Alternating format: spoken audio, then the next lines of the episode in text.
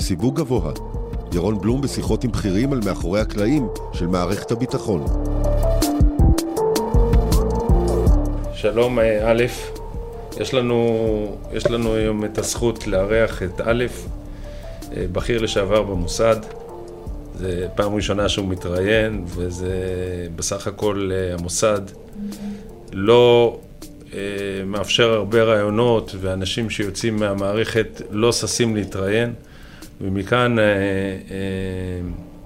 ומכאן גם השמחה שלי וגם העניין הרב שהשיחה עם א' תהיה. א', בתפקידו האחרון היה ראש אגף מודיעין במוסד, תכף הוא יספר לנו גם על זה מה שאפשר, ובמגבלות הצנזורה ומה מותר וחשיפת כלים ויכולות ו- ו- ואת הארגון, אז אנחנו א', נשמור על מה, מה שצריך מבחינת uh, ביטחון מידע, וב', נעשה את השיחה כמה שיותר מעניינת. אז uh, שוב, אהלן, שלום, מה שלומך? בוקר טוב. איך החיים באזרחות? לך אני יכול לקרוא ירון, זה כן. בסדר. לי כן, אני יצאתי כבר החוצה וזה לא כל כך נורא. כן.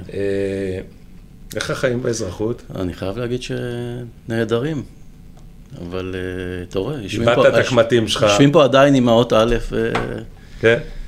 מסתגלים לעניין הזה של לצאת מהבועה, שזה עולם ומלואו שלם. וגם uh, תהליך של פרידה מארגון שהיית בו 30 שנה, עם תרבות, עם עשייה וייחודיות uh, שאין כמוה אולי ואין שני לה.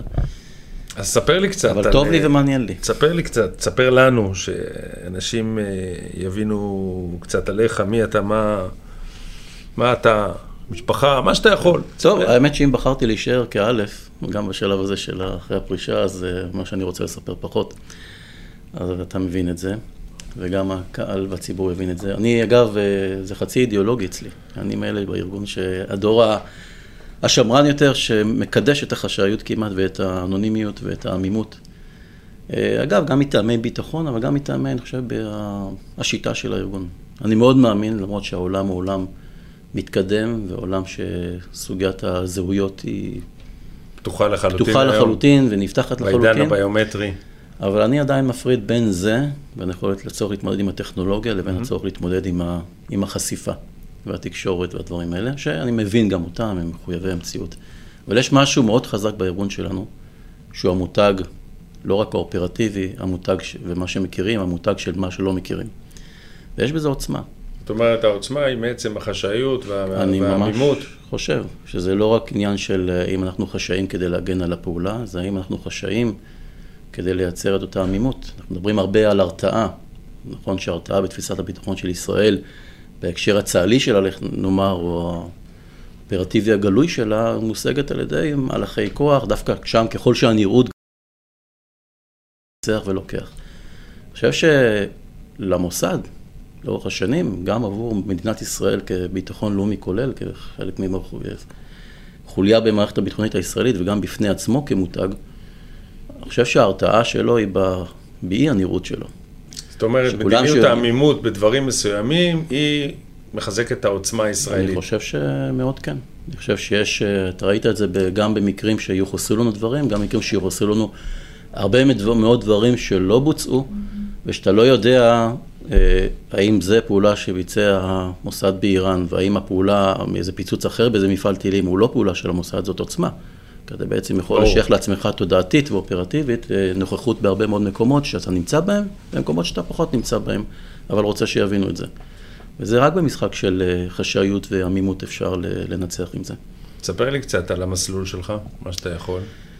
טוב, זה יהיה מהיר, אני רואה את זה עכשיו שאני מנסה לכתוב CV למיניהם, רגע, מה כותבים ב-30 שנה, אני מקבל מאחרים שאני... האמת היא שכולם בסוף מספרים את הכל, כל מה שהם עברו ועשו. כן. זה לא, תהליך ש, שגם אני, לקח לי הרבה מאוד זמן ב-2011, בסוף 2011 לעבור. זה כן. לוקח זמן, אתה כל הזמן אה, חושש, ו... אבל בסך הכל העולם עגול, ובסוף מגיעים לכולם, וגם כשאתה הולך לעבוד במכון מחקר, או שאתה מדבר בתקשורת, אז מקשרים בין הדברים. אה, וראינו אותו שם וראינו אותו לא שם, אבל מה שאתה יכול, תספר על כן. המסלול שלך, מאחר ואתה לא חשוף, אז אין בעיה גם. אני גם רוצה שאנשים שמההסכת מה, הזה, אה, המוסד גם ירוויח משהו, כי שווה להת, להתגייס לארגון הזה, אני כבר אומר כן. את זה לפני הסוף, כי אני מכיר אותו, אבל כשישמעו אותך, אז זה יהיה יותר שווה. טוב, כשמראיינים איש מוסד זה לא, זה לא ייקרא הסכת, זה ייקרא השקט מעכשיו. אוקיי. אבל אני אגיד גם, אני אמשיך את השורה שלך כמי שהיה שם, ואני אומר את זה לא כמי שעכשיו חווה חוויית אה, פרידה או סיום או משהו. בכל רגע נתון שהייתי בארגון הזה, הייתי מתגייס אליו. זאת אומרת, אתה יודע, אתה יכול היית להגיד... חוזר על הכל עוד הייתי פעם. חוזר על הכל בכל נקודה, גם בנקודות משבר וגם נקודות אה, שלא הייתי כל כך מרוצה, נגיד ברמה האישית, בנקודות כאלה, למרות שלא היו הרבה כאלה. אה, הייתי גם חוזר וגם ממליץ לחבר הכי טוב שלי ולבן משפחה שלי להיות שם. וברור שזה מכאן, זה לכל עם ישראל. איפה צמחת? צמחתי כ...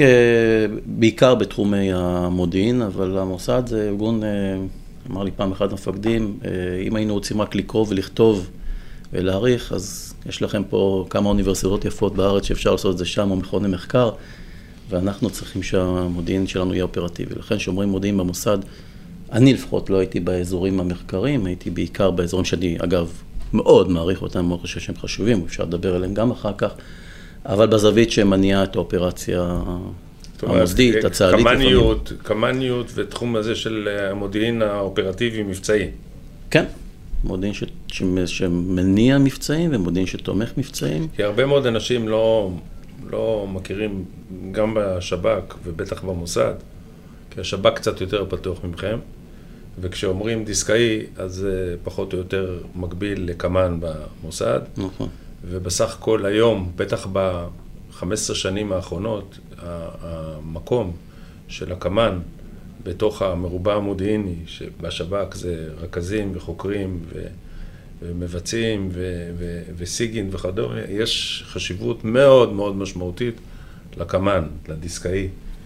ולכן זה מאוד מאוד מעניין. כן, אני חושב שכמו ש... אני חושב שגם יש פה התפתחות אסטרטגית, כמו שהעולם, נגיד עולם היירוט או הפגיעה הפיזית, הפך להיות מאוד מדויק גם בשביל להיות מדויק אסטרטגית. אסור לנו לא לפספס כי אסור לפספס, ואסור לפספס כי אסור ליצור למשל collateral damage או נזק סביבתי כדי לא לפספס את המטרה. ואני חושב שהיכולת של המודיעין, אחד, לחדור, שתיים, לדייק את הפעולה ברמת היעד והאסטרטגיה, ושתיים, לד... ושלוש, לדייק אותה ברמת המימוש והביצוע, החלק, אני חושב שאלו עוצמות אדירות, הם חלק מהעוצמות של המוסד, זה שיר אה, עצום במ- במוסד, ויכולת היום לשלב גם כלים שמהאזורים האיסופיים המאוד מגוונים, שמאוד התחזקו אגב בעולמנו, גם. אה, במוסד כמו בעולם בכלל, והשילוב והאינטגרציה של זה היום עם עולם החשיבה והקמנות המודרנית, אה, הופך את מקצועות המודיעין, לא רק הקמ"ן, למקצועות מאוד מאוד מאתגרים, והטכנו-מודיעין, מה שנקרא היום, השילוב בין זה לבין מערכות מתקדמות, באזורי הוויזינט, הסיגינט, האנליסטים למיניהם, וזה הפך את זה גם למקצוע שיש בו גם עבודה עם מערכות אה, מידע ומחשבים, לכן יש גם, אפרופו להביא אנשים או לחשוב על אנשים שחושבים על מוסד, זה גם אנשים מהתחומים האלה, שרוצים לממש יכולות וחשיבה טכנולוגית שלהם אה, לכיוון אה, איך זה הופך להיות פתאום אה, מכוון לפצצה או לאקדח או אפילו שיחת טלפון שמאיימת או משהו כזה, וזה בסופו של דבר, היום במודיעין במוסד מגלם את הכל. אני עשיתי לאורך הדרך, אני חושב שנגעתי כמעט בכל הדברים החשובים, אם נקרא לזה ככה. הרבה מאוד שנים של התעסקות בסיכול טרור, בין אם טרור שנוגע ישירות לנו, בין אם שותפות, וזה צריך להכיר, למוסד ולמדינת ישראל יש מעורבות מטורפת, לא יודע להעריך אותה אפילו, בכל, ה... בקהילה הבינלאומית, בסיכול של הטרור העולמי. זאת אומרת, הרבה מאוד ארגונים חשאיים אה, אה, בעולם רוצים לעבוד עם המוסד. עבור מטרה אחת, שזה סיכול טרור וסיכול דברים אחרים כמובן. כן, אני חושב שסיכול טרור במיוחד, תראה, זה מכנה משותף קודם כל של כולם. במיוחד משנת, אני חושב, אני שם את 79-80 כשנות מפתח, כי שני אה, אה, ענקי טרור נולדו שם. אחד באיראן והשני באפגניסטן, לא רחוק אחד מהשני. אחד מהצד השיעי, איראן וכל הציר השיעי, שהתפתחה גם כמדינה, ותכף נדבר על האיומים האחרים שלה, הקונבנציונליים, האל-קונבנציונליים, הנב"ק, הגרעין. אבל גם כל התולדה של הטרור השיעי, מחיזבאללה קרוב אלינו, עד התפתחויות של מיליציות בעיראק, חות'ים וגם בפיגועי חו"ל, מה שנקרא, גם בפיגועים מקומיים במדינות שבהן הן פעילות. ומהטרור הסוני כמובן, הולדת אפגניסטן, שנוצרה בעצם כל הנושא הזה של הטרור, מה שאנחנו קראנו, הטרור הגלובלי הסוני הסלאפי, שנולד אולי ניצניו היו במלחמת המלחמה של ברית המועצות באפגניסטן, אבל משם לא הפסיק, בין אם בצורת אל-קאעידה, מה שנקרא affiliated to אל-קאעידה, ארגונים שקשורים איתו ברחבי העולם, ובגל השני שלו כדאעש, שאנחנו כולם מכירים מה... נקרא לזה העשור האחרון, מ-2013-2014, בעיראק, סוריה, אבל גם ראינו את הפיגועים בכל העולם. שתי מערכות שביניהן לא הייתה שום הפסקה, אגב, שנדדו גם על פני יבשות, כליבות באפגניסטן, פקיסטן, עיראק, סוריה, אה, אה, סודאן, לוב, אה, תימן ואחרות, אבל גם במימושים על פני כל הגלובוס, מפיליפינים ועד קנדה. כמה המעורבות של המוסד הייתה בסיכולים של דאעש, של פעילות דאעש עם ארגונים אחרים? כמה שאפשר לדבר על זה? אני כי... חושב שנגיד, לא ננקוט במהלכים ספציפיים, אבל עצומה. נגיד המילה עצומה זה עשרות, עשרות, זה דברים שבדרך כלל אנשים מכירים בדרך כלל כשקורה. כשלא קורה, וטוב שכך, לא מכירים. כשלא שומעים וחושבים שהשקט הזה הוא שקט אמיתי. כן, עכשיו דאעש. אז הוא מדומה. אני חושב, אולי, אני לא יודע להעריך בגדול, נגיד כלל אצבע כזה, מימש עם כל מה שראיתם, החליפות הכתומות והעריפות והפיצוצים, אולי 10% משהו, לא רק התכוון, משהו החל לבצע והיה לקראת אפילו מימוש. ולקהילת המודיעין הישראלית, אני בכלל תמיד מציין אותה, כי המוסד הוא, הוא חשוב מהם. מאוד, והמוסד הוא תמיד חלק מהם. אני חושב שכל ארגון אצלנו הוא חלק מהם. משלים אחד את השני, מסייע אחד לשני. חד משמעית. אה, וזה מאוד חשוב היום בעבודה שלנו. אה, המוסד היה בהרבה מאוד מקומות לפני כולם, כולל אצלם בבית. זאת אומרת, אנחנו היינו לפעמים על... עם האירופאים לפניהם, והערנו ופתחנו פנסים וזרקורים לשוטרים גרמנים, צרפתים, טורקים, שיש אה, להם, הודים. אה, שיש להם אה, בעל נתינות של אותה מדינה, כן, ש... שהתגייס לדאעש ונמצא עכשיו לא משנה איפה והולך לעשות פיגוע. אפילו יותר מזה, כולל להגיד שבכתובת הזאת והזאת הוא כבר מחכה תיק עם חגורת נפץ, או אפילו היו מקרים, אני יכול להגיד לך, שהיינו גם איתם במרדף אחרי ממש פעילים שכבר הולכים להתאבד על mm-hmm. תיירים, על מעבורות, על כל מיני מקומות כאלה, ממש בעניין של בין שעות לימים ספורים לפני פיגועים. זה פיגועים גם מסוג של מאות ואלפי הרוגים. זאת אומרת, זה שאתה עושה לעצמך גם איזה סיכום לאחור, אתה אומר, וואו, כמה אנשים חיים בעולם היום? בזכות... כי אתה היית שם. אומר, אתה, אתה, זה לא אני. בזכות הפעילות של המוסד שהיה שותף מרכזי בסיכול. לגמרי. והמיומנות שלנו הייתה, אני חושב, בסוף להישאר מתחת לרדאר. זאת אומרת, לאפשר, ישראל... לאפשר למקומיים, לשירות השותף, לבצע את הסיכול מבלי מעורבות שלכם. נכון. אגב, גם עבור אה, שלומה של מדינת ישראל. מדינת ישראל, אני חושב בצדק רב וכאסטרטגיה מאוד חכמה, לא רצתה לשים טביעת אצבע ישירה. זאת אומרת, יכלנו לצורך העניין חלק מהדברים לספק גם, אם תרצה, למטוסים ישראלים, לאמל"ח ישראלי, ליחידות מבצעיות של ישראליות למיניהן, והעדפנו שלא, כי רצינו להיות שותפים חשאיים. כי תראה, דאעש, ג'בהת א-נוסרה, אלמנטים אחרים וזה, ישבו לנו פה על הגבול, ראו אותם במשקפות מרמת הגולן. דבר אחרון שרצינו, שהקנים האלו יופנו מפנימה לאסד או ביניהם, או לגורמים ערביים שיופנו לתוך ישראל. אז היינו, אחינו בשב"כ, כן. היו עובדים הרבה יותר קשה, וגם כולנו היינו כנראה יותר סובלים, וגם דאעש היה מתחיל, וכל הג'יהאד העולמי הזה היה מתהפך. היו לו כמה הזדמנויות להתהפך על מדינת ישראל, וצריך לשים לב מה שלא קרה. אנחנו, זה מעניין, לא ניכנס עכשיו לעומק של הדברים האלה, אבל שלושה עשורים של ג'יהאד עולמי, שכל הזמן מצהיר שישראל והיהודים, אוסמה בן לאדן ב-23 לשני 98, זה ככה ההצהרה הרשמית שלו ב- על הקמת אה, אל-קאעידה, כבר אז הפתווה הראשונה שלו אומרת ג'יהאד למלחמה נגד היהודים והצלבנים, זאת אומרת היהודים היו שם מההתחלה באג'נדה. ולאורך כל השנים היינו מאוד מעורבים בסיכול, ובכל זאת לא הפכנו בשכל רב, אני חושב, את האיום הזה של ג'יהאד עולמי אה, כחובר לפלסטינים, או כמעורב פה בתוך ישראל, בצורה עמוקה, לא אומר שלא יהיו פה ושם, ושלא יהיו סיכולים של שב"כ, וגם לא בחו"ל. יכלנו לחטוף, הייתי אומר, לא, היו פה, הרבה נכון, יותר. אתה צודק, אפרופו שב"כ, היו פה לא מעט סיכולים בקרב נכון. ערביי ישראל, וקצת אה, תושבי איו"ש, אבל זו הייתה תופעה שהייתה מדבקת אצל המוסלמים הקיצוניים, יש אה, מרכזים בישראל, כמו לדוגמה בנצרת, של, של, של, של, של תומכים סלאפים, של, של, של הזרם הזה, שמתוכם גם יצאו כאלו שניסו להתגייס לדאעש. אנחנו זוכרים את המצנחי רכיפה שניסו לעבור mm-hmm. לצד השני. אנחנו זוכרים מספר אה, פרשיות גם בוואדי ערה וגם בדרום, במשולש הדרומי, בג'לג'וליה ובמקומות אחרים. ו- והמרכז, ב- כמו שאמרתי בהתחלה, זה בנצרת, ואין ספק ש...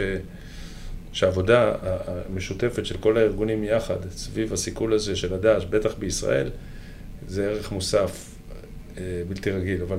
לגמרי, ודאי שכש... אגב, ככה, אפילו אבי אבות המוג'הדין, עבדאללה עזאם, הוא פלסטיני מסילת אל-חרסייה, ליד אה, נכון, ג'נין. נכון. הוא יצא, גייס אולי את הכי הרבה אנשים לטובת הדבר הזה, הם כולם נפוצו לכל עבר. לא אגיד שלא הגיעו גם לפה מעט וסוכלו יפה מאוד, אבל את המפץ שהיה יכול לייצר פה בתוך הזה, זה לא נעשה, אני חושב, אבל אני ייחסתי וחזרתי, זה מיוחס לשיטה שבחרנו להתמודד עם הג'יהאד העולמי, אנחנו ושב"כ והקהילה הישראלית. איך אבל כל כך הרבה שנים לא יירטו את, אה, את אוסמה בן לאדן, שישב להם מתחת לאף? קודם כל, אה, לזכותם של האמריקאים אה, ייאמר שלא משנה כמה שנים זה ייקח, כשהם שמים מישהו על הכוונת, בסוף זה יקרה. כן. לא משנה כמה משאב יושקע בזה, כמה שנים זה יהיה, לי היה ברור שזה יקרה, השאלה זה רק היה מתי. ו... ובסוף זה קרה, כן, אולי הרבה שנים אחרי, אבל הוא היה איש באמת המוסד מתוחכם. ידע בחלק מהזמן איפה הוא נמצא, או באזורים מסוימים? אני אני אצטנן ואומר שכל מה שידענו, בהקשר כזה ודאי. עובר לאמריקאים, אנחנו אף פעם לא מסתירים כאלה דברים, כשיטה, בעניין הזה צריכים לבוא ולומר, יש. שיתוף פעולה בלתי רגיל חד משמעית, עם הארגונים האמריקאים, לא רק ה-CIA, גם ארגונים אחרים, ארגוני מודיעין אחרים. חד FBI. משמעית, אה, שיתוף פעולה יוצא דופן אפילו. יוצא דופן, אגב, משני הצדדים, וכך צריך, זה בדיוק סוג המערכות שאתה צריך לשלב ידיים, המוסד יודע גם לעבוד לבד, גם לעבוד קהילתית בתוך מדינת ישראל, וגם לעבוד בילטרלית או מולטילטרלית עם הרבה מאוד שותפים. זה אחד השרירים והמיומנויות הכי גדולות שאני חושב שיש זאת למוסד אומרת, אין פה סוד, הישראלי. מפרסמים את זה כל הזמן, שיש אגף, שזה התפקיד שלו במוסד, אגף תבל, שזה מה שהוא נכון. עושה, שהוא למעשה אה, כן. עושה שותפויות בלתי רגילות עם, אה, עם מדינות אחרות, וזה פשוט מדהים לאן הארגון הזה מגיע ומה הוא עושה יחד, המכפיל כוח הזה הוא אדיר.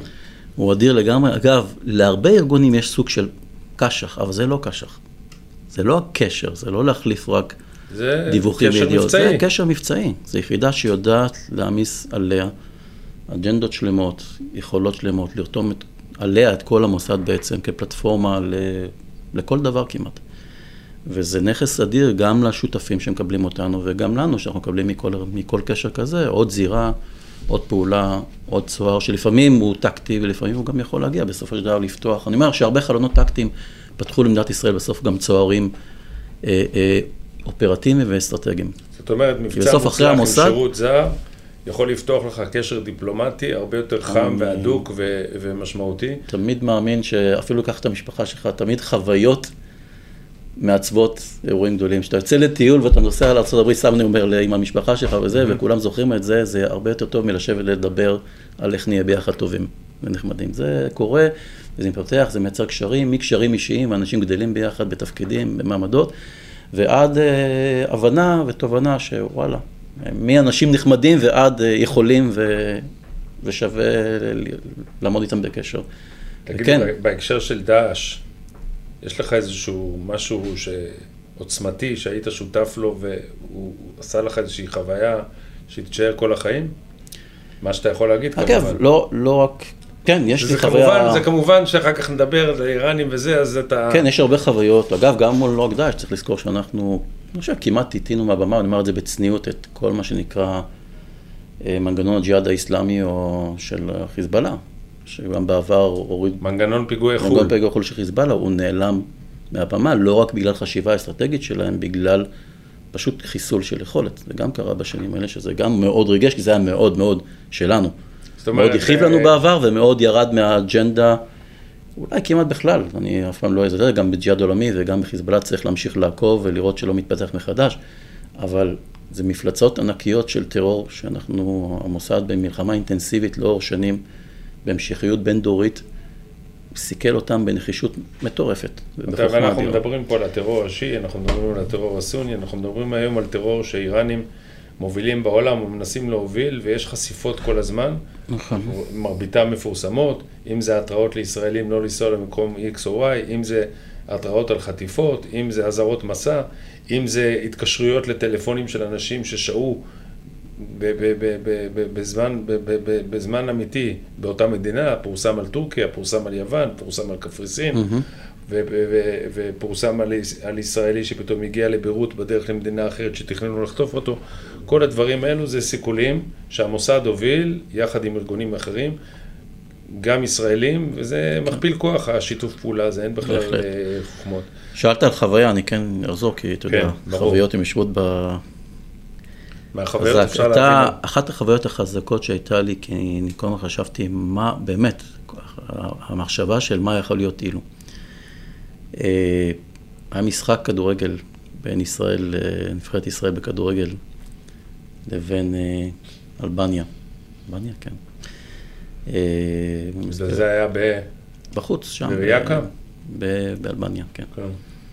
והתארגנה שם, הייתה התארגנות מטורפת של, אה, נקרא לזה פלא כזה, או של אה, יוצאי בלקן, אנשים שהיו קשורים לדאעש, והובנו מסוריה. שוב, צריך להבין, זירה שככה הייתה שם פעילות בשלוש מדינות בלקניות שם, שהיא של עשרות פעילים, כולל למעלה מעשרה אנשים שהיו אמורים לקחת בפועל חלק בפיגוע עצמו, עם חגורות נפץ בתוך האצטדיון, עם אה, נשק אה, אוטומטי, עם רימונים, היו מזוודים מקצה לקצה. והחוויה שלי של לשבת בחפ"ק ולראות את המשחק ולראות אותו כבר עם חיוך, כי אני בתוכי ידעתי שאנחנו את העבודה כבר השלמנו משהו כמו שבוע לפני המשחק. כל מי שהיה צריך להיות עצור, עצור, כמו שהיה צריך לברוח, ברח, כל האמל"ח אה, נתפס. היה נתפס. אה, והמוטיבציה הרגעית לפחות, אה, בסדר, אולי קיימת, אבל אפשר לעשות אותם רק מאחורי סורג ובריח. אין, לא קיימת יכולת. ולאפשר את ה-3-0 הזה שניצחנו עליו, זה היה ה-3-0 הכי שמח שלי שראיתי. אני גם כל הזמן חושב על האוטובוס של הנבחרת, על הישראלים שהגיעו וישבו בקהל. על השמחה מבלי לדעת מה יכול להיות, אה, איזה עצב גדול יכול לקרות בכל הדבר הזה. ויש פה שתי שמחות, אחת של, של היכולת שלנו באמת לסכל, ושתיים, היכולת לאפשר. היכולת זה שאנשים ימשיכו כן. בחיים, בלנהל בספורט ובתיירות, ובדברים הכי קטנים שאנשים עושים בחייהם, פעם עם לדעת, פעם בכלל בלי לדעת, אבל הם ממשיכים. והדלתות המסתובבות האלה של, שאני שיחקתי לי בראש, מה היה קורה אילו לא, זה אחד הדברים המרגשים. היה לי עוד חוויה של אה, גם מסיכולי אה, חיזבאללה למיניהם, שאתה חושב על טיילים ישראלים שמסתובבים בכל מיני מקומות בדרום אמריקה או בתאילנד, במזרח הרחוק. ואתה יודע שהעפת משם תשתיות שחיכו וערבו להם מול בתי מלון אה, כאלה ואחרים, מחסניות כאלה ואחרות, ואתה חושב על סתם, זה חג פסח, שאנשים יכלו לחזור הביתה בארונות, וזה שחור מכאן ולתמיד למשפחות. ובמקום זה הם חוזרים ומתחבקים בשדה עם המשפחות שהם היו וחזרו בשלום מהטיול. אלה ריגושים שאין, אין אפשר ל... אין, נכון, אין להם, אין להם שום מחיר, וזה חוויות שהולכות איתך אה, לאורך כל הדרך, וזה משהו מאוד מיוחד, במיוחד בסיכול טרור. אתה רואה את ה... נכון, כי אתה רואה את זה מול העיניים, זה לא תהליך, זה תהליך הרבה יותר קצר מאשר סיכול של יכולות של מדינה כמו איראן, שאנחנו תכף קופצים לשם. נכון. זה הזמן באמת לנסות לקפוץ קצת. א', תספר לי קצת על, אה, על איראן, כי יש לנו, לדבר גם על איראן, וכמו שאמרנו על סעודיה, וקצת על החיזבאללה, שזה שחקן פרוקסי של איראן. אז בואו, מה מטרתם של האיראנים היום מול, מול ישראל? והסיפור של היכולת הגרעינית, מה, מה המטרה שלהם? רק להיות מדינה סף גרעינית? רק להיות, אה, או להיות מדינה גרעינית כדי אה, לאיים, או לעשות גם משהו מעבר? טוב, אני לא אכנס פה לכל העומק של מי איראן, מה איראן, מה היא מחפשת. המטרה כן. שלהם היא להיות. כאילו זה מתחיל בזה, אחר כך גרעין, אחר כך יכולת קונבנציונלית, אחר כך אה, מה, להיות מעצמה? קודם כל להיות, הם מאמינים, במידה מסוימת זה קשור גם בשיעה ובתקיע ובחשש שזה, באופן שצמח המשטר הזה, הם, מבחינתם כל הזמן זה סוג של קרב שרידות. גם בתוך הבית צריך לזכור שאיראן זה עדיין מדינה לא הומוגנית, היא מדינה אה, איראנית, אבל היא למשל רק, היא מאוד שזורת מיעוטים, זה פן אחד של זה. שבטים. יש uh, מיעוטים אתניים שונים, נכון שעכשיו שהנושא האסלאמי בעצם חל על כולם, אז זה, זה מטשטש את זה, תמיד דת מטשטשת הבדלים לאומיים, אבל איראן למשל יש בערך רק 55% פרסים, לא יודע אם זה יפתיע אנשים, יש משהו כמו קרוב ל-30% אזרים, שהם הזרם שיעים, יש אחווזים ערבים, יש אה, בלוצ'ים, שאחרים שבעצם אם לא, ההגמוניה הזאת כל הזמן גם היא מאותגרת בגבולות, כי יש למיניהם בפקיסטן ובאזרבייג'אן ובעיראק, זאת אומרת יש מי שיכול לצורך העניין להעיר אותם, או לחבור אליהם, או לעורר בהם את הרגשות הלאומיים שלהם מחדש. אה, וזה יכול להיות מוצת מהיבטים אחרים, אם איראן תהיה למשל חלשה כלכלית והפריפריות האלה יעבור להם המצב הכלכלי, הדיכוי המשטרי, פלוס אה, אולי איזה תקווה מהצד וחיזוק רגשות לאומיים, זה דבר שקרה כבר בהיסטוריה. איראן מאוד חוששת מהדברים האלה. אז היא חוששת פנימה. שתיים, היא חוששת החוצה. היא מבינה את זה שהיא שחקן, ש... זאת אומרת, היא הכריזה על השטן הגדול, הקטן וכל מה שביניהם וכולי. ובמיוחד הגדול, פחות ישראל אגב צריך לומר, מבחינת איום אסטרטגי על איראן, זה שטן שמאיים עליהם מאוד. הם נורא חוששים מהאמריקאים. הם, למשל בהקשרי הגרעין, פעמיים איראן, אני חושב, עצרה בעצם, או האטה, את תוכנית הגרעין שלה ב-2003 ו-2015, פעם אחת כעצירה בלי משמעות נגיד מדינית, פעם שנייה בעצם העובדה שהם באים וחותמים על הסכם גרעין, ואתם בהתנדבות לבוא ולעצור העשרה וזה, זה, זה עצירה, זה עיכוב של עצמם. ובסופו של דבר, אה, היא עושה את זה רק בגלל ארה"ב. פעם בגלל חשש מתקיפה צבאית, זה בוש שמגיע לעיראק והם אומרים, רגע, רגע, רגע, זה כבר חצר אחורית שלנו. מי יודע אם אנחנו הבאים בתור של ארה"ב, ובאותה שנים גם נחשפו הפעילות בנתנז ואתר העשרה, אז הם חששו שהחשיפה הגלויה הזאת, פלוס ההתקרבות של ארה"ב והביטחון שיש להם באזור, והקלות שבה נפלה עיראק, ובעצם החליטו החלטה לעצור את הפרויקט הצבאי, אגב, הוא לא קם מאז, הפרויקט הצבאי, פרויקט שמייצר את הפצצה עצמה, לא העשרה. שתיים, ב-2015, שלוש שנים של מאמץ בינלאומי שהוביל אובמה, אנחנו תמיד מייחסים רק לטראמפ את הסנקציות, אבל התחיל את זה גם אובמה. משטר כן. אובמה כן. עשה, אגב, הוא עשה את זה בשיטה אחרת, לא כהחלטה רק אמריקאית לבד, שכולם משתרכים, הולכים עם ארצות הברית, לא הולכים עם ארצות הברית, קצת לעומתית כלפי חלק מהעולם. אובמה עשה את זה בקואליציה שלמה, והמשק האיראני הפסיד משהו כמו, אני חושב, 180 מיליארד דולר על, על הסנקציות של אובמה בלבד, בלי טראמפ. וזה בעצם הוביל את איראן, שוב, היא הרגישה את עוצמתה של הברית באזור אחר, באזור המדיני-כלכלי. וגם שם זו עוצמה. לכן, גם שם היא יצרה בסופו של דבר. זאת אומרת, איראן, כשהיא מסתכלת על האיומים חיצוניים, היא בעיקר מסתכלת, אני חושב, כאיום מעצמתי על ארה"ב, ועל הזירה הקרובה. היא מאוד חוששת מה, מהסונה, נגיד, באזור, מהטבעת סביבה, היא כל הזמן חוששת שיש איזו טבעת שנרקמת סביבה. אם יש דבר שהרס אותם כמעט, אני חושב, בשנת 2000, שנת הסכמי אברהם, שזה... הייתה שנה שקראתי שיש שני אמים שמאיימים על איראן, זה, זה ה-MBZ אה, וה-MPC, זה ה-Maximum Pressure Campaign שנעשה עם, על ידי טראמפ עם כן. הקטע הכלכלי, וה-MBZ וה-MBS למיניהם שייצרו אותה בעצם את הסכמי אברהם מולנו, את ההתקרבות והנורמליזציה לישראל של מדינות המפרץ, ואיראן באמת חששה משניהם ופעלה באופן מאוד מאוד אגרסיבי כדי לאזן את המצב באזור. וגם פה צריכים להגיד שההסכמים עם מדינות המפרץ, הרבה מאוד שנים המוסד פעל בזירה הזו כדי לאפשר את זה, וכשזה משהו מצליח אז כל אחד לוקח לעצמו את ההישגים לעצמו, אבל צריכים לבוא ולומר בצורה מאוד מאוד ברורה, המוסד הוא זה שהוביל למעשה, רקם את כל התשתית וביסס אותה לאורך הרבה מאוד שנים. נכון. של קשרים חשאיים. כן. גם מודיעיניים וגם מעבר אני, לזה. לא יודע, אני אדם מטבעי צנוע וגדלתי בארגון צנוע, אנחנו עושים את זה, לא, אומר, בשביל, באמת בשביל, בשביל מדינת ישראל, ישראל, פחות ברור. בשביל התהילה, ואתה יודע, נכון, ראיתי כל מיני כתבות של כל מיני גזירות קופונים שהגיעו, ב, הייתי אומר, בקילומטר האחרון אחרי מרתון, אה, עם, בספרינט, ואז נראה, וואלה, הנה, זה, אז נכון, המוסד לפעמים עושה מרתונים, ולא לא מצטלם בקו הסיום.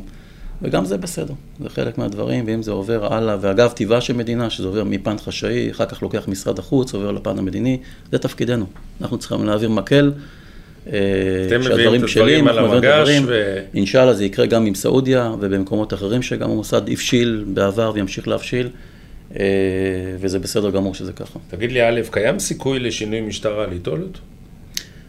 לא יודע, אנחנו עסקנו בזה הרבה, אני חייב להגיד. וואלה. אני, במחשבה של זה, בניתוח של זה. כי צריכים לזכור שלפני 30 וכמה כן. שנים, אה, הפרסים היו אוהבי ישראל. נכון. אגב, גם עד לפני לא מעט שנים, לא, לא, עד לפני לא הרבה שנים, הם גם לא היינו בראש מעייניהם מבחינת אה, איום. זאת אומרת, אה, מבחינת... גם של משטר הליטולות. גם של משטר האייתולות. משטר האייתולות, אמרתי, שם למשל את ארה"ב הרבה לפנינו, שם את המדינות האזור הרבה לפנינו, שם את דאעש כשהוא היה פעיל הרבה לפנינו. זאת אומרת, הסתכל על איומים יותר קרובים ויותר רלוונטיים לו. ה- החיכו, המעבר ל-first priority מול ישראל, כאילו שלהם מולנו, אה, הוא די חדש. אה, כי לאיראן יש יותר, יש פחות אויבים אחרים, היא די נטרלה אותם, היא מבינה הברית למשל במזרח התיכון פחות קיימת כאיום על איראן כרגע. אז- פחות חוששת, היא מבינה האינטרס שלהם- שהסעודים והמפרציות, הנה ניטרלנו אותם, קצת כטב"מים, קצת טילים, קצת אה, רקטות, קצת, אה, ועם דיפלומטיה, משחק המלקחיים הזה שאיראן עושה, הדיפלומטיה האזורית הזאת, והם כולם אה, או איתנו או שקטים. אה, ולעומת זאת ישראל מעיזה, גם תוקפת אותנו בסוריה, מערכה של עשר המב"ם. שנים של המב"ם שקורה בסוריה ובצורה יפה מאוד, שוב, יש כאלה שופטים את האפקטיביות, כן, לא, זה, אני אומר שאנחנו עושים את הדברים הנכונים. לא תמיד אתה יודע, אתה יכול לראות את התוצאה בקצה, או תמיד אתה יכול לחשוב, אם הייתי עושה כך אחרת, זה דבר שלא צריך לקרות שם, לא צריכה להיפתח עוד זירת עימות לישראל, אנחנו רואים, מספיק לנו הרצועה הלבנונית והרצועה העזתית בשביל אה, לפתוח אנחנו עוד צריכים חזית. להסביר שהרצון של האיראנים ושל החיזבאללה לפתוח חזית נוספת, שהיא החזית הסורית, ולמעשה זרוע נוספת של החיזבאללה שתהיה בסוריה ושל האיראנים במשותף, ולפעול משם כחזית נוספת. נכון, וזה לא טוב לנו. זה בהחלט, וטוב שאנחנו מונעים את זה. אנחנו בדרך כלל, הרבה פעמים ויתרנו על פגיעה, על, על... נתנו להתעצמות לקרות בשביל שקט. זה מדיניות ישראלית, צריך להבין את זה. היא בחירה, בלבנון הייתה בחירה, מ-2006. בחרנו חלקית לראות ההתעצמות קורית, בשביל שבכפר יובל יבואו אנשים בפסח ובראש השנה ויעשו אה, מנגלים מחוץ, לש... שהאש אפילו תעבור לצד הלבנוני. ההרתעה עוד- העשן. ההרתעה עוד נשארה מהזירה הצפונית, מאז מלחמת לבנון השנייה. תראו, המילה הרתעה היא מילה, היא מורכבת. היא חשובה כי אנחנו מכירים אותה מ-53 כבר כבבסיס תפיסת הביטחון של ישראל. ההרתעה אה, שמתכתבת עם ההתראה ועם ההכרעה. אה, אבל במדינת ישראל, אני חושב שההרתעה של, סוג ההרתעה שהיא מייצרת היא משתנה, וצריך ל- לומר את זה בגלוי וגם בהבנה. זאת אומרת, זה לא שאנחנו עכשיו כל פעם נתקוף בעומק האויב בביירות וזה, בשביל לייצר הרתעה, שהיינו עושים פעם באזים מעל, אה, לא, אבל. העוצמה של. מלחמת לבנון השנייה, למרות שיש נכון. כאלה שאומרים שהתוצאה היא לא טובה, אבל העוצמה שהייתה ומה שנשאר מאז, אני הם מסכים. מזהים את זה. לגמרי, אני גם, אני חושב שיש, מתקיימת הרתעה. אני רק חושב שאם פעם התפיסה שלנו הייתה שבואו פעם באיזה עשר שנים נייצר מלחמה, או נגיב כדי מלחמה, או דברים כאלה, בשביל לייצר שם הכרעה ברורה, כדי שיהיה עוד שקט לעשר שנים, לחמש עשרה שנים, לא משנה מה. התפיסה הזאת, אני חושב, היא קצת לא איתנו. אנחנו לא רוצים מלחמות, ובצדק. אף אחד לא רוצה מלחמות יקרות מכל, ה, מכל הסוגים. ולכן את ההרתעה צריך לי, יותר קשה לייצר במופעים קטנים מאשר באיזשהו בומבה אחת של שלושה שבועות, שבועיים, שבוע, לא יודע מה, במבצעים אדירים. כי קשה לעשות אותם גם בזירה הבינלאומית, גם בזירה המקומית שלנו, גם כמה אנחנו מוכנים להקריב ולעשות של הדבר הזה, וגם אנחנו מדינה אחרת. האסימטריה היא כי אנחנו עם תל"ג אחר, אנחנו עם איכות חיים אחרת, אנחנו עם תפיסה מוסרית אחרת. אנחנו לא רוצים את המלחמות האלה שהאויב לפעמים מוכן להקריב אותם בשביל... וצריכים לזכור ההתנגדות. שלבנון היא בקריסה כלכלית, אנשים נכון. שם עניים, הפכו להיות עניים, והשיעה או החיזבאללה למעשה שולט דה יורה ודה פקטו. נכון, אבל אני חושב שזה אילוץ על חיזבאללה. אפרופו קפצנו לחיזבאללה, אני נכון, אגיד אנחנו נחזור תכף לאיראן, לא. שכחתי. אני רק אה, אומר כזה דבר, יש הרתעה. כי הרתעה, אני בסופו של דבר אומר, זה דבר מאוד אה, מעניין. אנחנו אומרים תמיד הרתעה על ארגון או על מדינה. אני טוען שזה הרתעה על אנשים ספציפיים. זאת אומרת, בסוף זה ראש של אנשים, במיוחד, ושל מנהיגים. מי שמורתע זה נסראללה. נסראללה ישב שם בבונקר ב-2006, נסראללה היה איתנו בכל מיני מופעים קודמים ב... שהיו מול לבנון, ענבי זעם, דין וחשבון, כל מיני, היה בכל מיני סבבים, היה בכל מיני, וחטף את ה-2006. חווה את ה... והוא עצמו אמר, אה, העיד על עצמו, בריאיון שהוא עשה מיד אחרי המלחמה, אמר, אם הייתי יודע שפיגוע החטיפה הזה אה, על הגבול ב-2006, שהוביל למלחמה, הסתיים כך, הייתי שוקל שנית, או לא הייתי עושה אותו בעצם. ואני חושב שזה יושב לו בראש המשפט הזה, אה, אולי הוא קצת נסדק, אני תכף אדבר על הסדקים בהרתעה אצ- אצל נסראללה, אבל נסראללה זוכר היטב. דבר שני, אין לו מורניע כזה לידו. כן. שאין לו מורניע שיעודד אותו ויגיד לו, תקשיב, יאללה, צא מהדיקי, צא מהפחדים, אנחנו יכולים וגדולים ועצומים וחבר אותו יותר לרציונל האיראני. אני חושב שנסראללה היום גם אין לו כזה, יש לו פער בינו לבין הדרג הבא אחריו, וההרתעה פועלת עליו, והחוכמה האזורית, אגב, שהיא עול על כתפיו, וגם הבילטרלי בין לבנון לישראל, עוד רק, ורק אחר כך בין חיזבאללה לישראל, היא ממש רובצת עליו. נסראללה הוא שחקן שהיום גם מורתע, אבל גם מבין את המשמעות של להיכנס ללא צבע ישראל עבור לבנון ועבורו ביום שאחרי המלחמה הזאת בתוך לבנון. זאת אומרת, כל אלו שאומרים בואו נחסל את נסראללה, אז uh, למעשה עדיף לנו את נסראללה שאנחנו מכירים אותו הרבה מאוד שנים, אנחנו מבינים מי הוא ומה הוא. ויודעים לאן הוא הולך, ומכירים את, את גבולות הגזרה שלו, מאשר שנקבל פה מנהיג חדש. אני חושב שתמיד טוב לחסל מורניות, אני אומר את זה במיוחד, את הדרג השני-שלישי. ולא נסראלות. או הדרג השני-שלישי, או מי שהוא. כן. למשל שקקי, הוא היה ראשון ושני ושלישי, כאילו, אז, אז הוא היה ב-95, מנהיג אגב דאז. לכן אותו הוא כאילו יעד כזה שאתה מחסל איתו גם את, ה, את הכל, גם את היכולת, גם את המוטיבציה, גם את הזה. אני רוצה רגע לחזור איתך לאיראן, כי אני רוצה לזכור כן. את, את הסוגיה האיראנית. אז זאת אומרת, אתה אומר שאיראן אה, שואפת להגיע להיות מדינה סף גרעינית ואולי גם מעבר, כי קודם כל יש לשחקנים שהיא חוששת ממנה, כולל כן, האמריקאים. כן, אני חושב שאיראן ראתה מה קורה לחלשים, ראה לוב, ראתה מה קורה למאתגרים, ראה צפון קוריאה, לא רוצה להיות לא זה ולא זה, לא רוצה להיות לא לוב שוויתר, ולא צפון קוריאה שהלך far away. איראן רוצה להשיג יכולת סף גרעינית בשביל לייצר לעצמה חוסן פנימי, אזורי ובינלאומי, ועוצמה וביטחון עצמי שלה כמעצמה אזורית ואולי יותר מזה, אה, אבל לא במחיר של לוותר על עמה, על כלכלתה ועל אפילו היותה ישות מדינית מוכרת בעולם. עושה את זה באומנות. היא משיגה גרעין בלגיטימציה. צריך להבין את זה. זאת אומרת, איראן היום, הנה למשל עכשיו נכנסה לבריקס, הארגון הזה של, ה, של אה, ברזיל, ראשה, כן. אה, אינדיה, צ'יינה. נכנסה לשם. מה שנקרא האמריקאים, זה ייבשו אותם, כן, אז היא אחרת. פונה, ויש לה יותר ויותר זה, ומייצר דיפלומטיה מאמריקה הלטינית, דרך אה, אה, אפריקה, מזרח רחוק וכולי, מייצרת לה את הקשרים שלה, מייצרת לה את השווקים שלה, mm-hmm. את החסינות שלה בפני סנקציות, אה, בין אם בכלכלת חירום ובין בימים אחרים, את הבריתות הצבאיות שלה. את העוצמות שלה מול, גם באזור הבין מעצמתי כבר יצרה איזון מבחינתה, עם דרך רוסיה וסין. גם למול ארה"ב.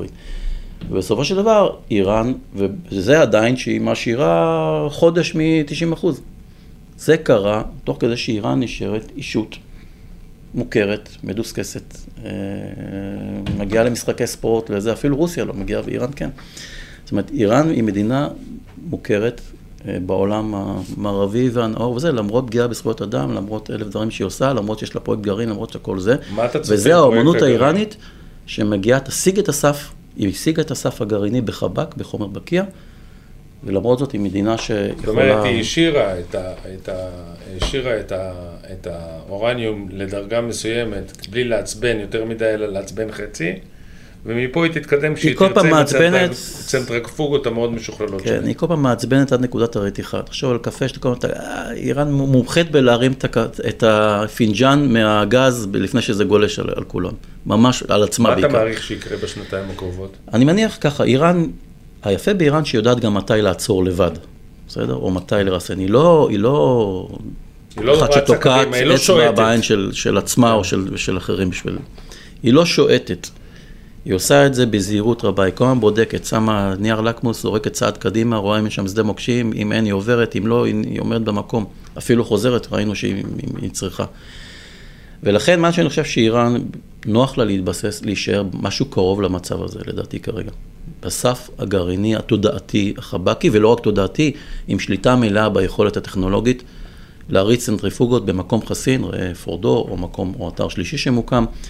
עם צנטריפוגות מתקדמות, שעל הדרך, עם ההסכם הקודם, המשיכה לייצר את היכולת ואת האימון ואת התרגול ואת הפיתוח של אותן צנטריפוגות, כמו ה-IR6 או אחרות שאחריה, 2, 4, ובעצם תדע בעת החלטה, שהיא לא יודעת מתי, היא לא החליטה אותה, אה, להגיע למה שנקרא, לפריצה, גם מה זה לא יהיה סוג של פריצה, אמתלה להגיע לזה, ואני חושב שאיראן יכולה עוד לעמוד הרבה שנים ככה. עכשיו, דרך זה היא תרוויח, היא תעשה לכולם, היא תרוויח המון. היא תרוויח באזור הכלכלי, היא תרוויח באזור המדיני, היא תנסה על המצב הזה והסחיטה הזאת של להיות במצב הזה וקרוב ל... ולא להתקדם קדימה. ולא להתקדם קדימה, היא תסחוט כמה שיותר כדורים לטובת חסינותה של איראן, גם הכלכלית והאחרת, ולא רק... וכשהיא מחליטה ללכת קדימה, היא צריכה את הכמה חודשים להשאיר לרמה של, אה, של כן. אה, יכולת גרעינית, ואז היא צריכה ל, ל, לבנות גם את הרכיבים נכון. הצבאיים, כדי שהיא תוכל להעיף את זה, וגם צריכה לנסות בדרך. נכון. אגב, אני לא יודע אם מדינה, אנחנו תמיד מברכים על התרחיש התיאורטי המוכר. של ניסוי. אני לא בטוח שאיראן תלך על התרחיש התיאורטי המוכר, למרות כן. שתמיד אולי למדענים, אה, או מי שעוסק בזה, זה נראה לו תמיד מוזר, הוא מחשב את זה לפי זה. אני חושב שאיראן מספיק לה... יכולה אפילו להסתפק בסף החבקי הגרעיני הזה, וגם הוא יכולה אולי לקדם את עצמה קצת, לצמצם את טווח השנים, כי אמרנו, לחבק אולי יש לו חודש, מדובר על סוג של כמה שבועות בודדים, נקרא לזה, מיכולת לח... לייצר חומר בקיע שמספיק לפצצה אחת, ועוד כמה חודש, שבועות וחודשים ליותר פצצות. אבל זה לא פצצה. פצצה צריכה להיכנס לתוך איזשהו... רכיבים. צריך את הרכיב ה... את הטיל. לפני הטיל צריך את הפצצה עצמה, את המכלול כן. את הרש"ק הגרעיני עצמו. אה, ושם אנחנו, אני מעריך שאיראן רחוקה שנים בודדות מזה. זאת אומרת, היא לא, יש לה לחזור לידע שנצבר באיראן, אבל צריך לאושש אותו דרך אנשים שכרגע לא עובדים על, כמערכת אינטגרטיבית לייצר פצצה. אה, צריך להשלים כמה סימני שאלה שנותרו להם מאחור, ויש להם סימני שאלה. אה, וכנראה שהם לא יישארו פתורים, וצריך את כל זה לעשות הרבה יותר בחשאיות מן העולם, כי לעולם הוא לא טולרנטי לזה כמו שהוא טולרנטי לגרעין או גרעין אזרחי, מה שנקרא, לחומר בקיע. ולכן אני חושב שאיראן תנסה כדרכה בדרכים דואליות להתקדם טיפה בצבירת הידע בצמצום הזמן לייצור פצצה. האם היא תלך לזה עד הסוף? רק בנסיבות של, של תרחיש קיצון גם מבחינתה. שאלה, אה, אני, ב, ב, אפשר לדבר על זה המון, אבל יש לנו יכולת לעצור את ההתעצמות הגרעינית של איראן? מה שאתה יכול תראה, אני, לומר... כן, אני אגיד לך את זה תפיסתית, כי אני לא יכול לומר ואני לא אגיד, ואני גם לא תמיד יודע, אני גם כן. עזבתי את המערכת, אני מאלה שעשיתי כן. את עבודתי, מה שאני ידעתי ויכולתי, אמרתי, עשיתי, פעלתי. מתי עזבת? אה, לא משנה. ו... אבל לא, לא הרבה זמן. לא הרבה זמן, ואני תמיד מאמין באלה שאחריי, כי אנשים שעבדתי איתם, כן. הם יודעים לחשוב, להמשיך לא. לחשוב, להמשיך לייצר, ואולי טוב יותר, כי הם, הם אה, יעברו את הקירות החדשים אה, מצוין. אבל יש פה שתי תפיסות. אני לא בתפיסת, יש כאלה שעדיין, אני אומר, מדיינים את עצמם לדעת. אגב, זה נכון בכל התחומים, ודאי בנושא מורכב כמו, די, כמו אה, גרעין האיראני. לחפש את ה... מהו התקפת הזהב. או פיגוע הזהב, או פעולת הזהב, או המהלך הזהב שיביא לנו את ה... את ה-X שנגיד, וואלה, אין לאיראן גרעין, או זה רחוק הרבה שנים. אני לא חושב שזה קיים. אני מאוד מאמין, דווקא כאן, בגלל ה-DNA. המוסדי. אתה, אתה מאמין בסיכולים נקודתיים? אני מאמין שהם... תוך כדי תהליך, כן, כדי להטריף אותם. אני מאמין אותם. שמה שקרה עם המוסד עכשיו, אני יודע שיש על זה הרבה ביקורת גם, אבל צריך להבין, זו תפיסה שאני תמיד אומר, זה נכון לנוע בעולם כל כך מורכב, ב-70-80 אחוז ניתוח ולא ב-100 אחוז, ה-100 אחוז משתק. אם אתה מגיע ל-100 אחוז, אתה אומר, חבר'ה, הכל יסתדר, הכל תנתח, תנתח אבל תתקוף, תהיה, תנתח כדי לתקוף. אתה לא צריך להיות לא רציונלי, אתה לא צריך כן, להיות אה, לגמרי לא מפוקח, אתה לא צריך לא ללכת בוקטור, אתה ודאי צריך את כל אלה, אבל בין שיתוק אסטרטגי, שאתה אומר, רגע, רגע, זה לא מסתדר, לא ארה"ב, לא המעצמות, לא זה, לא המצב הטכנולוגי, לא זה, וזה מעמיד אותך במקום, יש משמעות לא טובה לעמידה במקום. הגדולה של המוסד שהוא ארגון כאילו טקטי, לא במשמעות השלילית של זה שהוא לא כן, אסטרטגי, כן. יודע לחשוב אסטרטגי. שהוא יודע לקחת את המודיעין ולעשות מזה... שהוא יודע, הוא יגיד, חבר'ה, אסטרטגיה, אני תמיד אמרתי כזה דבר, אסטרטגיה זה אוסף של מהלכים טקטיים. כאילו, אסטרטגיה זה לא חייב להיות פעולה אחת, תגידי פעולה אסטרטגית. מה זה פעולה אסטרטגית? יכול להיות גם 100 פעולות שקורות 10 שנים שמייצרות אסטרטגיה. לפעמים חשבנו על זה, לפעמים זה התחיל ואז הלבשנו את האסטרטגיה, לפעמים זה היה מתוכנן אסטרטגית. אבל צריך להיות בתנועה. אני אוהב תנועה. האויב צריך להרגיש אותנו כל הזמן. מישהו צריך אותנו. זה לא רק האויב, העולם צריך להרגיש אותנו כל הזמן. אם אנחנו לא נהיה בתנועה, כולם משותקים. אם אנחנו לא זורמים, אם אנחנו לא המשוגע בשכונה, אם אנחנו לא המפוצץ, המניע, הדוחף לסנקציה וזה, אז העולם חוזר כל אחד לעיסוקיו, כל אחד עם ה homeland security שלו, ואת מרבית העולם, אני אומר לך משהו, זה לא מעניין. כן, אני מבין. למרות וזה לא- שמדינות אירופה מעניין אותם, ארה"ב מעניין אותם. את כולם זה מעניין, יכול להציג זוויות למה זה כן מעניין כל אחד בזה, לא כדי זה, יש להם דברים אחרים ב priority שלהם. לפני זה. לא- אגב, לאירופאים יש סונים לפני שיעים, לאמריקאים יש סינים לפני שיעים, לכל אחד יש משהו. אחר לפני. אה, למפרציות יש אה, כסף וכלכלה ו- והרתעה מול מול האיראנים, ובעצם תיקח כל אחד, לא נפרק עכשיו כל אחד מהשחקנים, לא יסוסו לזה. ולכן אנחנו היחידים שבעצם צריכים עדיין לשמר את הגחלת. הגחלת היא לא רק במילים, היא תמיד בפעולות.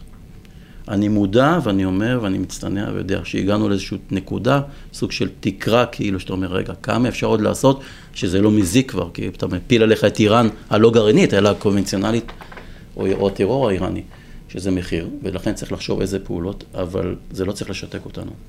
אני מסכים לחלוטין, אני, אני חושב שצריכים להיות מאוד התקפים אל מול איראן וצריך כל הזמן לש- לשתק להם יכולות, לשבש להם יכולות, אה, אה, ליצור להם אי ביטחון, ואני חושב שמה שהמוסד עשה לאורך שנים לדברי מקורות זרים וגם מה שפרסמו פה בישראל זה דברים מדהימים, אפשר הרי לדבר על זה הרבה מאוד, אבל אני רוצה אה, אגב, אני לסיום- אגיד משהו בהתרשמות דווקא לזה. מעבודה באמת רבת שנים מול, מול כל הגורמים האלה של מהטרור השיעי, נקרא לזה, חיזבאללה, ועד איראן, על כל הנדבכים שלה. יש לי רספקט עמוק, זה ככה, אתה צריך להגיד את זה. ברור. לכל מי שעומד שם, מהאסטרטגיה שהוא מפעיל ושיקול הדעת שלו, ו- וגם היכולות, והיכולות התמודדות וגם החוסן. מה ש...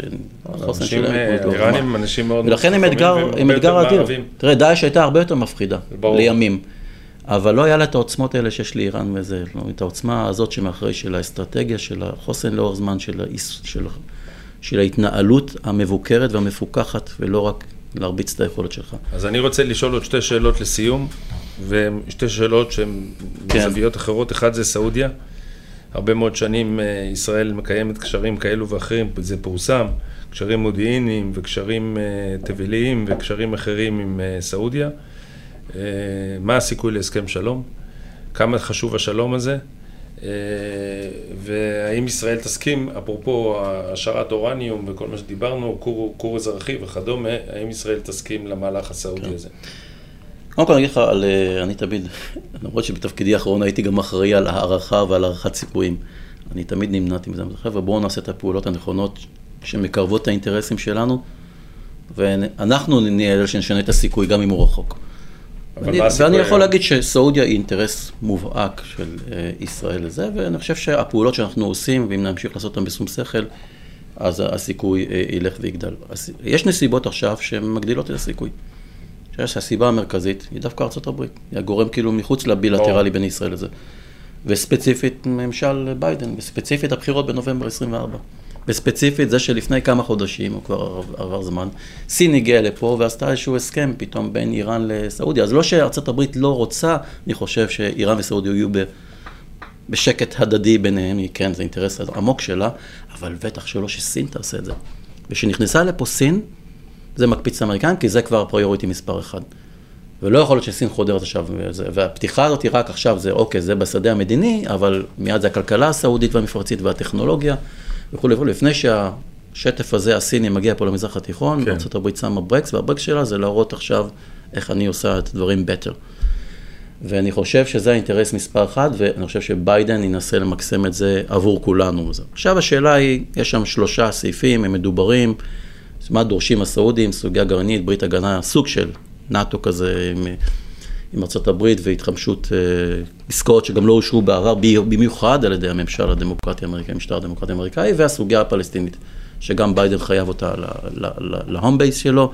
גם הסעודים חייבים ל home base של מב"ס, אם נקרא לזה ככה, אולי סלמן האבא והמורשת הזאת, ואם תרצה, השיירים, או מה שנשאר מהיוזמה הסעודית של 2002.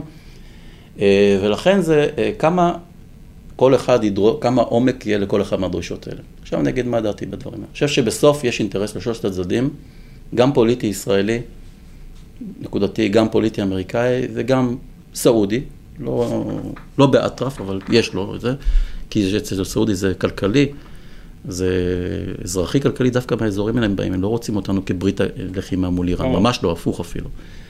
וזה בעיקר להביא את ארצות הברית גם טיפה להזחיל, אחרי פרשת קרוג'י ברמה האישית על ידי מבאס, ומעבר לזה לקבל דיבידנדים באזורי ההגנה. מבאס זה מוחמד בן סלמן, למי שלא נכון. יודע.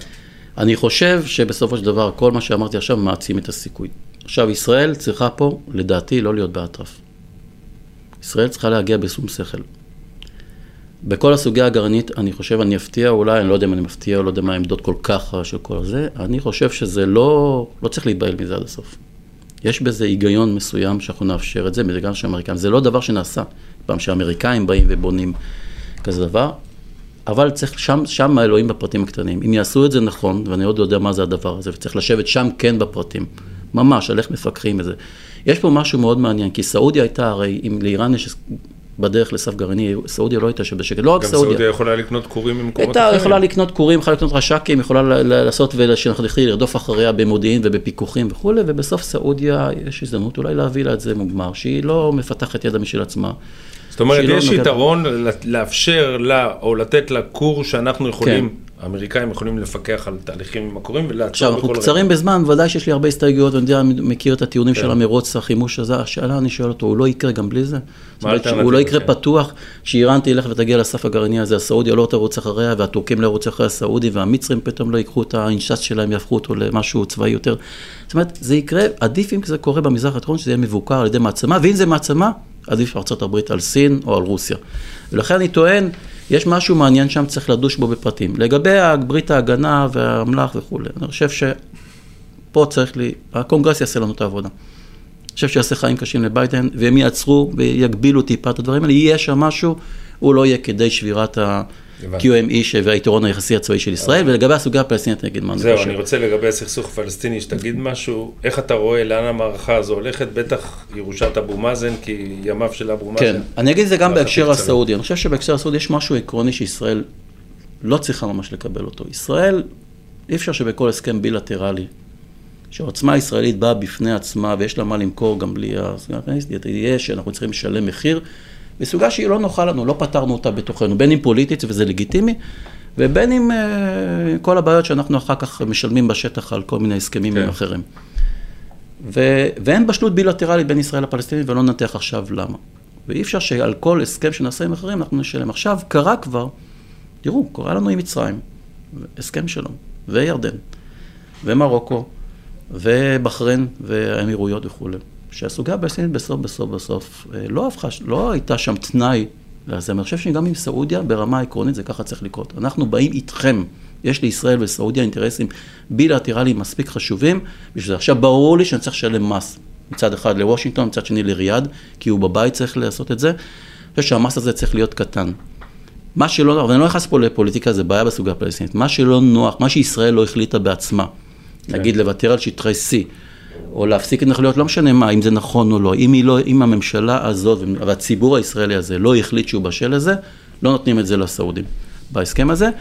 כן צריך לתת דברים שאנחנו חושבים שהם ירושת אבו בין מאזן. אם הצהרתיים ובין אם הם ברור. כבר קורים בשטח כמו, אה, ואנחנו בעצם רק אה, נותנים להם איזושהי כותרת, הסעודים יצטרכו להוציא פה איזה מס, אתה שואל אותי, דווקא הצעדים שהסעודים עשו לחיבוק כאילו, הקונסול הזה שמונה מירדן לרשות, המשלחת שמגיעה וכל זה, דווקא חיבוק שמבשר לפלסטינים על זה שאנחנו לא הולכים ל- עד הסוף. לא. אני, אני, אני אומר את זה כל הזמן בפודקאסטים ובכלל בתקשורת, שההסכם, שהאינטרס הישראלי לחזק את שלטונו של אבו מאזן כמה שהוא, כמה שהוא אה, חלש, הוא עדיף על כל דבר אחר. אני גם חושב. אבל אני, אנחנו חייבים לסיים. זה היה מרתק. נסיים, אני אגיד רק לגבי סוגיה פלסטינית, בקצרה. זה הולך להיות קשה, הימי, לפני אבו מאזן הולך או, או אחרי. אני חושב שהאינטרס הישראלי צריך לשמר סוג של רש"פ פתחאווי, בין אם זה היורשים הטבעיים, חוסיין א-שייח, חוסיין א-שייח, או- ג'יבריל רג'וב ואחרים. ולקיים איתה את, ה, את ה basic של אוסלו שנקבע, מנגנוני ביטחון, תיאום בסיסי וכולי וכולי. עכשיו צריך לייצב אותם לאור, זה לא מכה אחת, הם עולים וזה. הם יצטרכו ייצוב בשטח, יכול להיות שיש שם פירודים לכמה אזורים שייתפסו על ידי חמאס, על ידי גורמים אחרים, שיצטרך אפילו לעזור להם להשתלט מחדש ולהמשיג את זה. הלא רצוי מבחינת ישראל כמובן זה השתלטות חמאסית, מה שקרה בעזה דקה אחרי, או שלושה חודשים אחרי שהם שם. וגם פה ישראל, כשזה יהיה חמאס, ישראל, ישראל צריכה להיות מאוד אגרסיבית, צריך להסביר את זה לכולם לפני, לירדנים ולסעודים ולאמריקאים, וזה שישראל לא תאפשר את זה, זה לא כמקרה עזה. איך שזה קורה, כמו שקרה בעזה, כשהם העיפו את הפת"ח או את הרשות, ישראל צריכה להיכנס במלוא הכוח, חומת מגן, לא יודע, ארבע שיקראו לזה, ולטאטא אותם משם. כל עוד זה נשמר כרשות פלסטינית כזאת, עם אוריינטציה כזאת דומה לאבו מאזן, אינשאללה גם טובה יותר, אנחנו צריכים לחזק אותה ולשמר אותה. אז א', אני... אנחנו, עבר לנו 55 דקות ככה, וואו. בדרך כלל זה 40, והמשכנו ל-55 כי זה פשוט מרתק, אחד.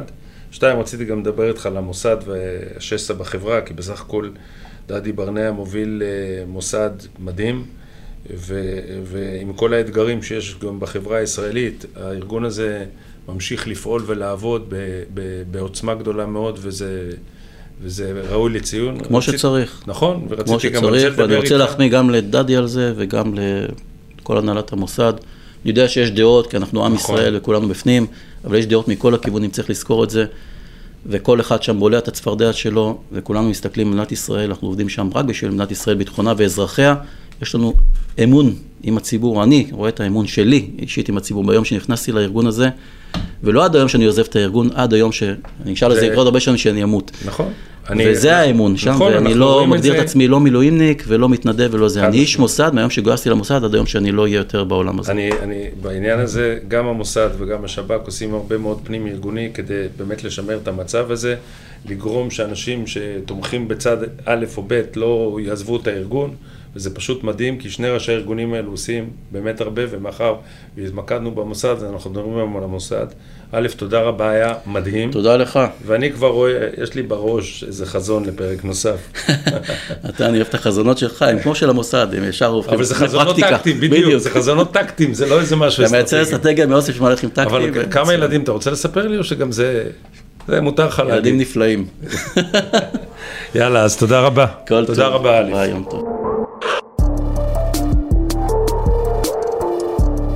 בסיווג גבוה, ירון בלום בשיחות עם בכירים על מאחורי הקלעים של מערכת הביטחון.